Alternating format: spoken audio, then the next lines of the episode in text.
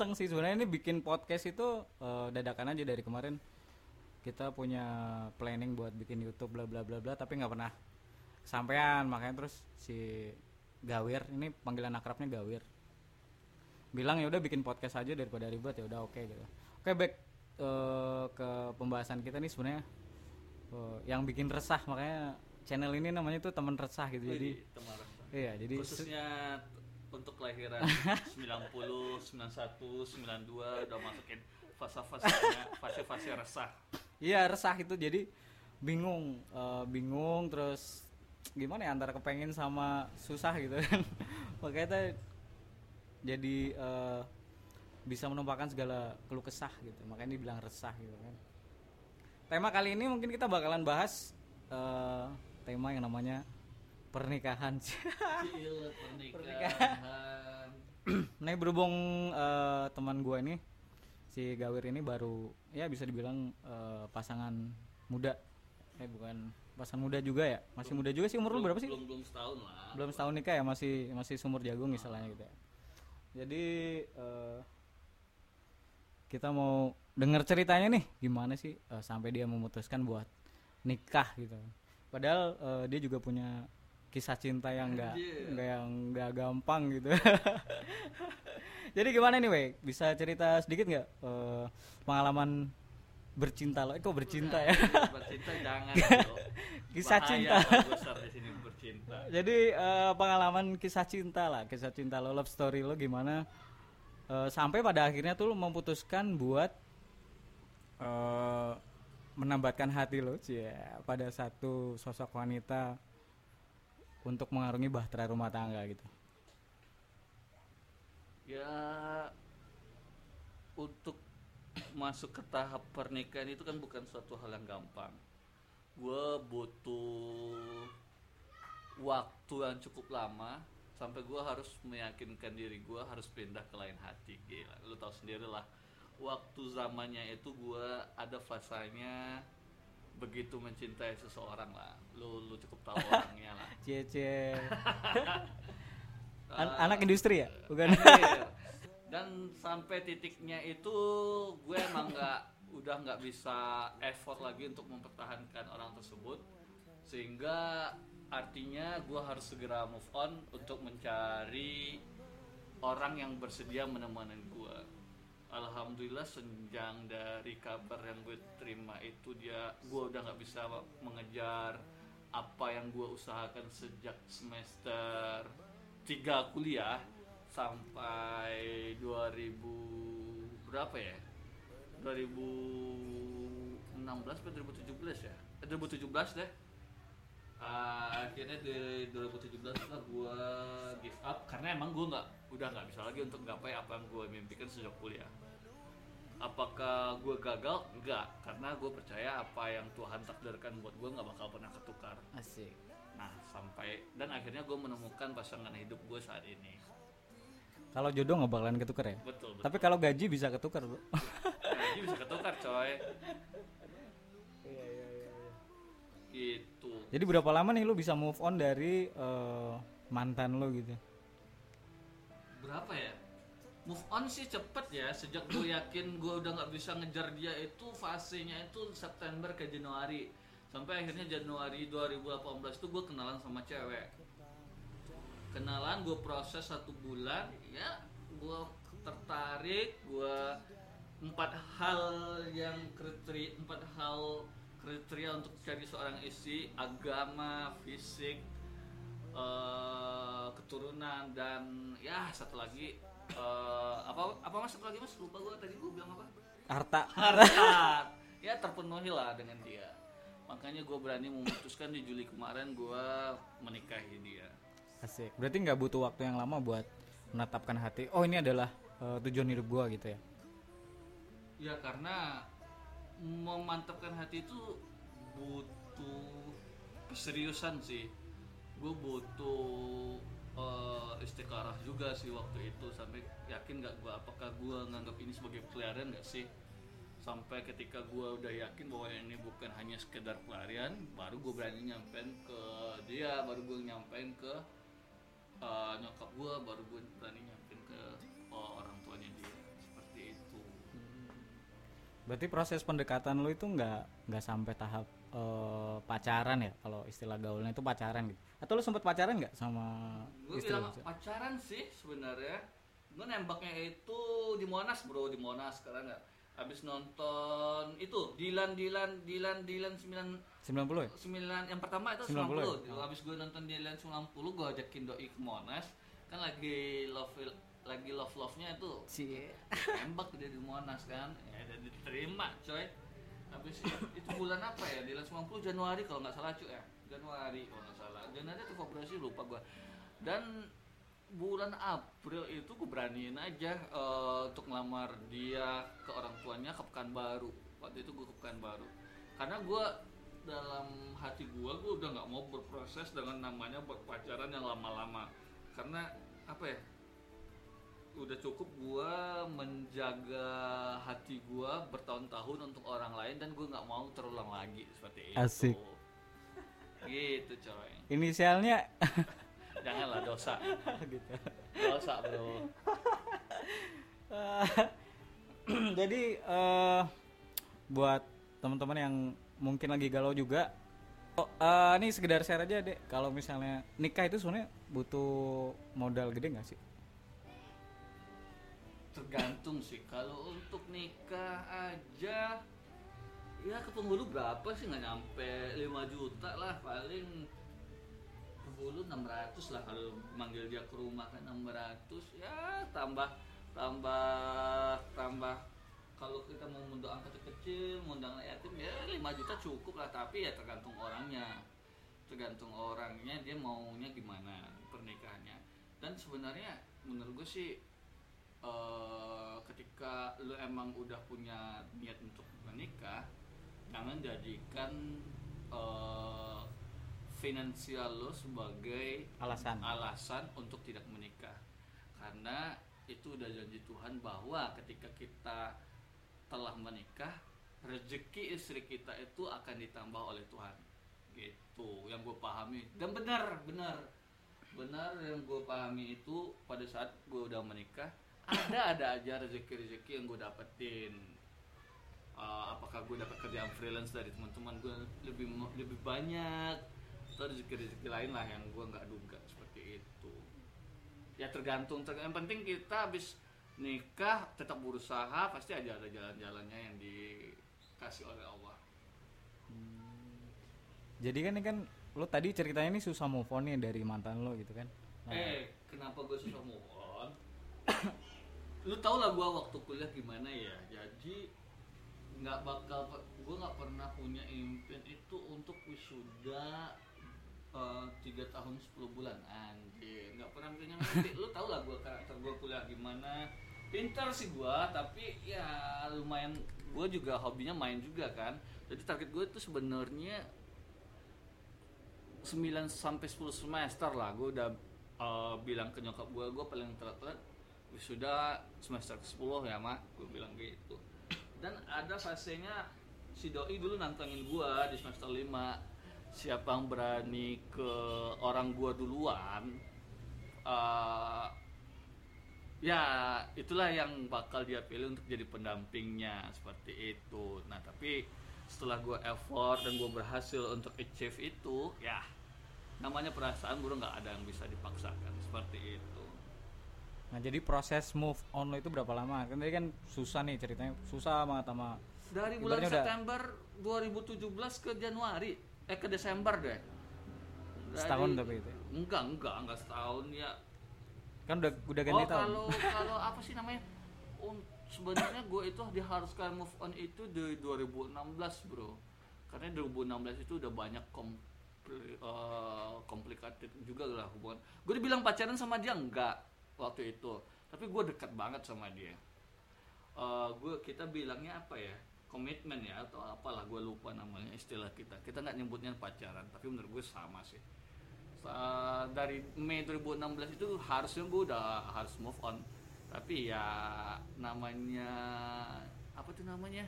Istilah anak sekarang itu bucin bucin. Anjir budak cinta.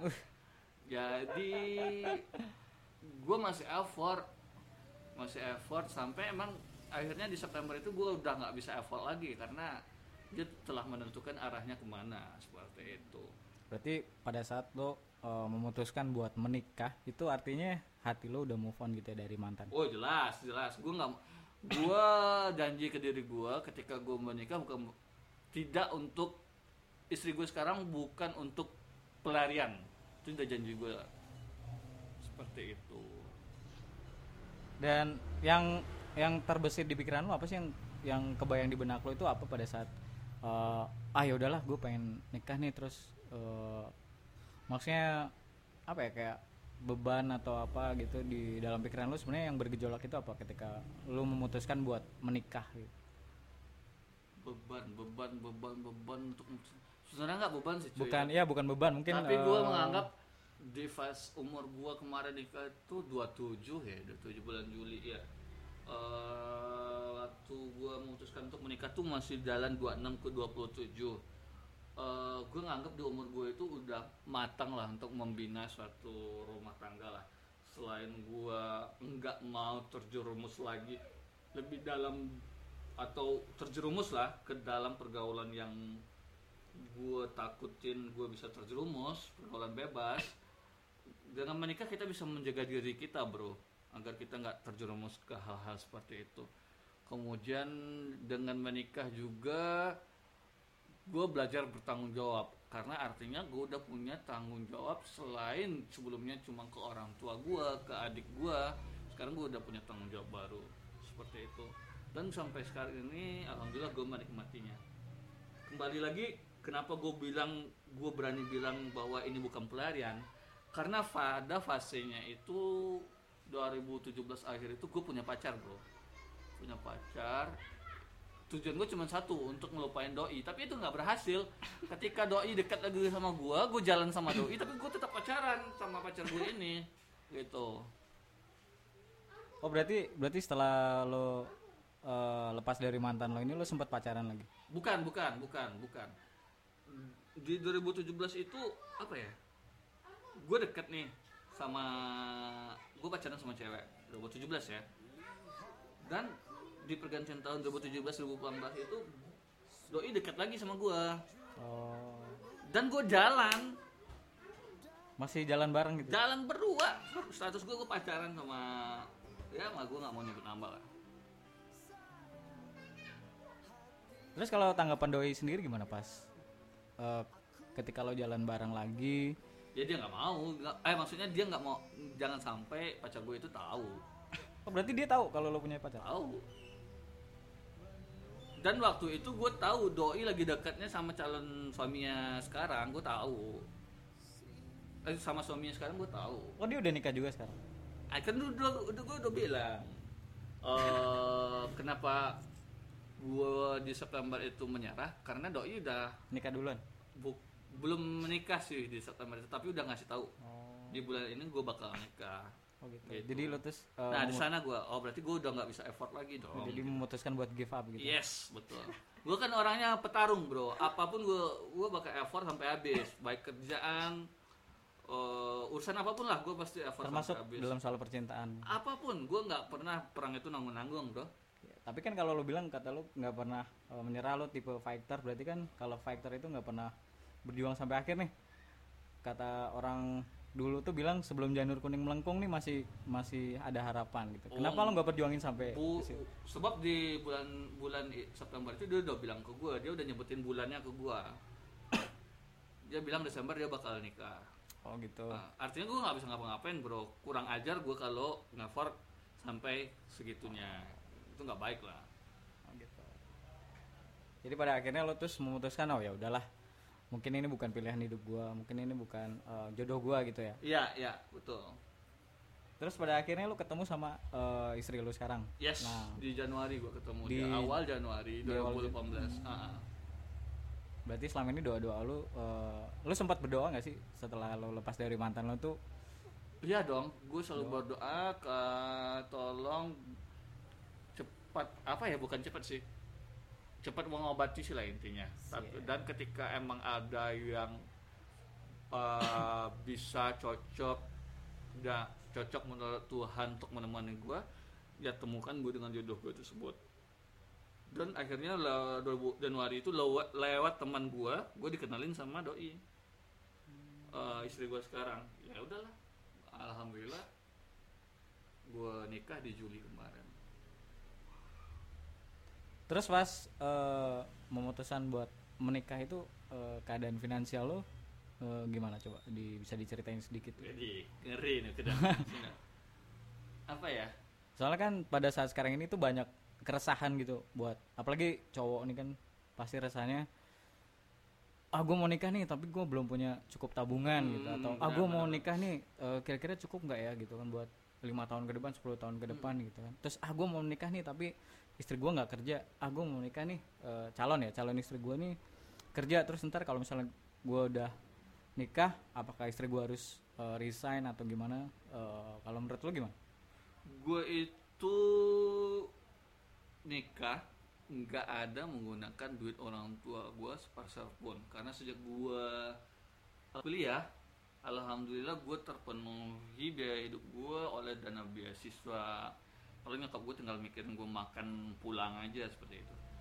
Sampai pun gue merantau pun gue nggak nggak minta duit ke nyokap bokap gue itu untuk pergi merantau. Gue bisa alhamdulillah bisa nabung dari beasiswa beasiswa beasiswa beasiswa, gue alhamdulillah.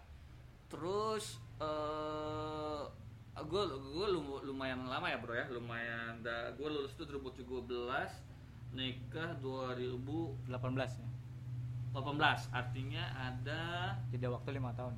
lima tahun kurang sih tepatnya. Lima tahun kurang lima tahun kurang. Eh, kalau dari untuk modal menikah alhamdulillah ada. Ada.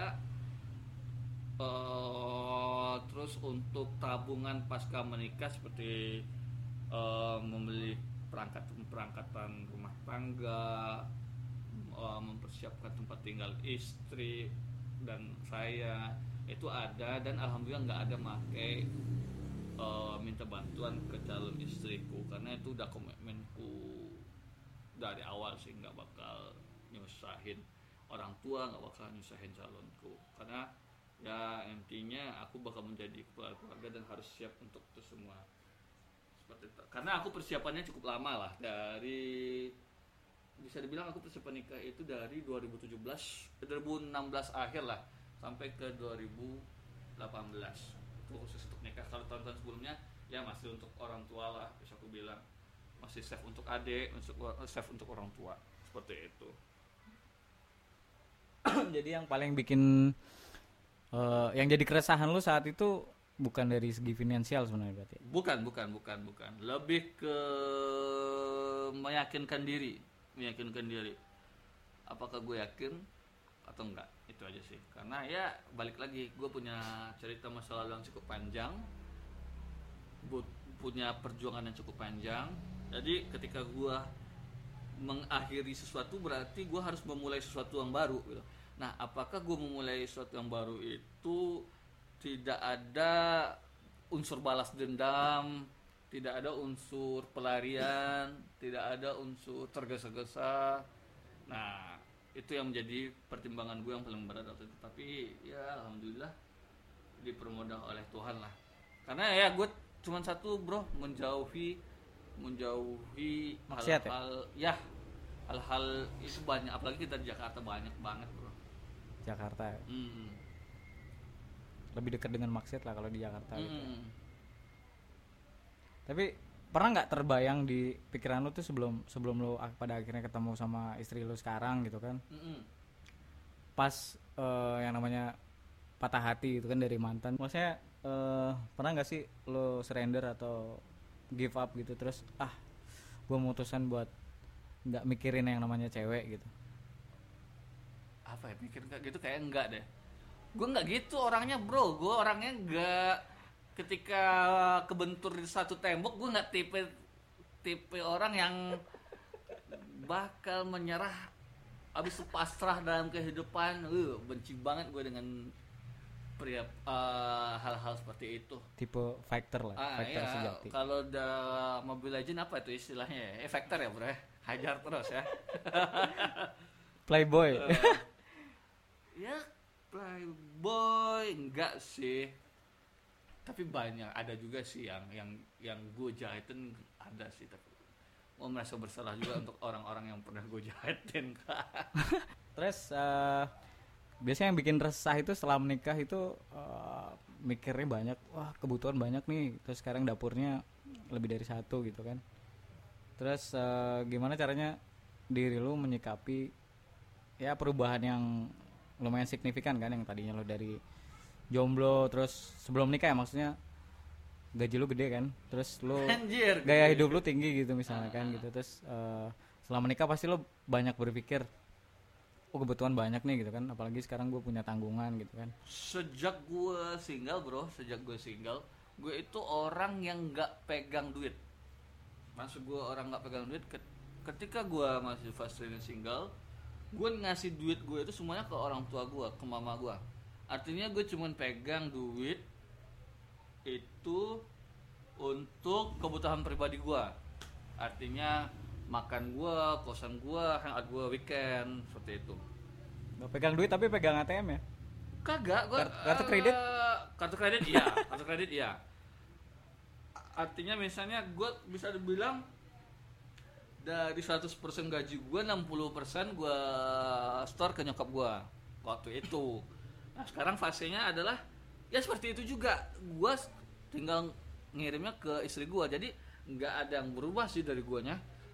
Ketika teman-teman kongko ya gua kongko, eh ya tapi sekarang bedanya gue harus dapat approval dulu bro nggak bisa kayak dulu dapat approval Ah, harus dapat approval dulu jadi lu ngajuin approval dulu Yes. terus diterima baru turun PO gitu ya ah betul Wah, approval gue keluar ya gitu. Ke mana Ya, pulang jam segini ya oke Udah. Nah itu tuh salah satu yang bikin resah sebenarnya. gue yakin banyak teman-teman di luar sana berpikiran kalau udah nikah pasti eh, ATM kita dipegang istri nih, terus keuangan kita dipegang istri nih. Oh gue nggak bisa beli ini nih, gue nggak bisa beli ini. Kalau dari istri lu sendiri gimana? gue alhamdulillah ya malah gue yang yang ngerem bini gue maksud ngeremnya gini istri gue itu bukan bukan boros tapi dia nggak pelit. Eh, maksud gue ketika gue gue ngelihat handphone bagus dia tahu gue mau itu beli aja deh beb katanya. Kamu mau kan? Eh, tapi gue mau gue nahan gitu. Jangan jangan jangan jangan seperti itu. Ya alhamdulillah istri gue juga kerja lah maksud gue seperti itu. Jadi ya kalau segi finansial nggak nggak nggak terlalu berpengaruh sih sampai saat sekarang Soalnya kalau dari pengalaman nih teman-teman gue yang baru nikah juga teman-teman kantor itu kebanyakan gitu jadi abis abis nikah tuh tiba-tiba bro makan di situ nggak bisa bro makan di situ nggak bisa bro beli ini nggak bisa gitu. Bisa tapi nggak sesering dulu. Kalau dulu atau apa setiap hari mah gue ladenin bro. Ya kalau sekarang mana bisa setiap hari. Ya duduk di kafe Jakarta minimal cepet lah. Eh paling paling paling paling paling minimum itu lima puluh ribu lah. Ya kan? Gocap ya gocap ya ya maksudnya kan pasti banyak oh, termasuk gue sendiri juga kan kalau mikir aduh kalau udah nikah pasti nggak bebas lah istilahnya dari segi keuangan gitu kan. Eh kagak sih. Menurut gua nggak nggak nggak tergantung lu kan udah udah udah mensortir calon istri lu sebelumnya. Ketika lu disortir. Menikahi dia berarti lu udah paham wataknya seperti apa gitu. Ya makanya jangan cari istri jangan pelit-pelit bro. Kalau- jangan pelit-pelit juga. Tapi kalau ngomong eh, soal udah paham itu itu relatif sebenarnya kan. Jadi kalau kalau yang namanya fase pacaran atau pas pendekatan itu kan sama-sama jaim. Nah Hmm. ketika udah menikah pasti gue yakin banget eh, ketahuan lah istilahnya Mm-mm. eh, sifat aslinya gitu kan. Mm-mm. Nah itu makanya eh, apalagi kalau baru-baru menikah itu pasangan muda pasti banyak cekcok lah, banyak eh, beda pendapat segala macam. ya beda pendapat itu pasti nggak pasangan muda pasangan tua beda pendapat itu pasti tapi gimana lu cara menengahinya aja gimana cara lu menengahinya aja Soalnya kebanyakan kebanyakan yang terjadi di pasangan baru itu pasti yang berkaitan sama keuangan ya kan. Ya nggak sih? Kalau misalnya pengen beli ini nih terus tiba-tiba ribut, pengen beli ini nih tiba-tiba ribut gitu. Alhamdulillah sampai fase sekarang ya belum ada belum ada eh, masalah itu ada di keluarga kecil gua gitu. Alhamdulillah. Berarti ini eh, ini bisa buat eh, gambaran teman-teman juga ya yang mau nikah ya Iya. bahwasanya statement atau bisa dibilang mitos ya mitos setelah menikah tuh ya kayak gitu kan yang terdengar santer di masyarakat kan gitu kalau udah menikah pasti keuangan dipegang istri Ah. terus ya istilahnya susah lah mau beli ini itu gitu kan jadi kalau statement dari si Ade ini si Gawir ini bisa dibilang oh ternyata nggak ada eh, kayak yang dibilang mitos kebanyakan gitu ya Iya, eh, makanya gue bilang tergantung lo sama doi. Lu kan udah paham karakter doi gitu. Menurut gue enggak, enggak sih tujuannya menikah tuh kan supaya lo lebih satu, supaya lo lebih kuat. Kayak Lidi lah. Ada teman gue bilangnya. Kalau Lidi itu kalau buat nyapu kalau sendiri sendiri kan nggak bakal bersih halaman. Kalau lo udah berdua, artinya ketika lo udah menyatukan hal yang terpisah jadi satu kan lu bakal lebih kuat seperti itu baik itu istri lu mau bekerja maupun nggak bekerja ya rezekinya pasti ada lah gue juga ada teman kita juga ada istri yang nggak bekerja banyak ya lumayan juga lah. Nggak nggak kesulitan juga dari segi finansial gue lihat. Jadi gitu guys. Jadi eh, yang mau nikah ayo buruan nikah gitu kan. Terus yang punya planning atau punya ketakutan terus eh, sering dengar mitos istilahnya mitos nikah tuh gini-gini. Udah sekarang di skip dibuang jauh-jauh dari pikiran. Hmm. Ya segerakan menikah gitu. Terus ini ada closing statement nggak dari lu tentang buat apa ya? Tentang apa nih? Ya tentang ya tentang bahasan kita kali ini buat Hmm. pernikahan itu eh, gimana sih nikah gitu? Eh, menurut gue ketika lo ingin menikah satu yakini betul bahwa lo udah yakin buat hidup tidak sendiri. Karena seperti apa yang lo bilang tadi kita itu menyatukan dua kepala yang berbeda nah berarti ketika ada satu masalah lo harus siap untuk gimana ya menyelesaikannya dengan kepala dingin. Biar enggak ya biar enggak yang kayak kayak mitos yang lo bilang tadi itu lo bro. Terus apa lagi ya? Eh, jangan jadikan masalah finansial sebagai penghambat lu buat menikah. Karena eh, pasti ada aja jalannya dari Tuhan ketika lo benar-benar niat lo benar niat lo tulus untuk menyempurnakan agama lo pasti ada ada jalan jalan dari Tuhan ag- lu bisa menikah seperti itu. Banyak kok kayak teman-teman kita kuliah dulu bro. Eh, baru lulus langsung menikah. Gue lihat sampai fase sekarang ya nggak ada masalah dari segi finansialnya mereka.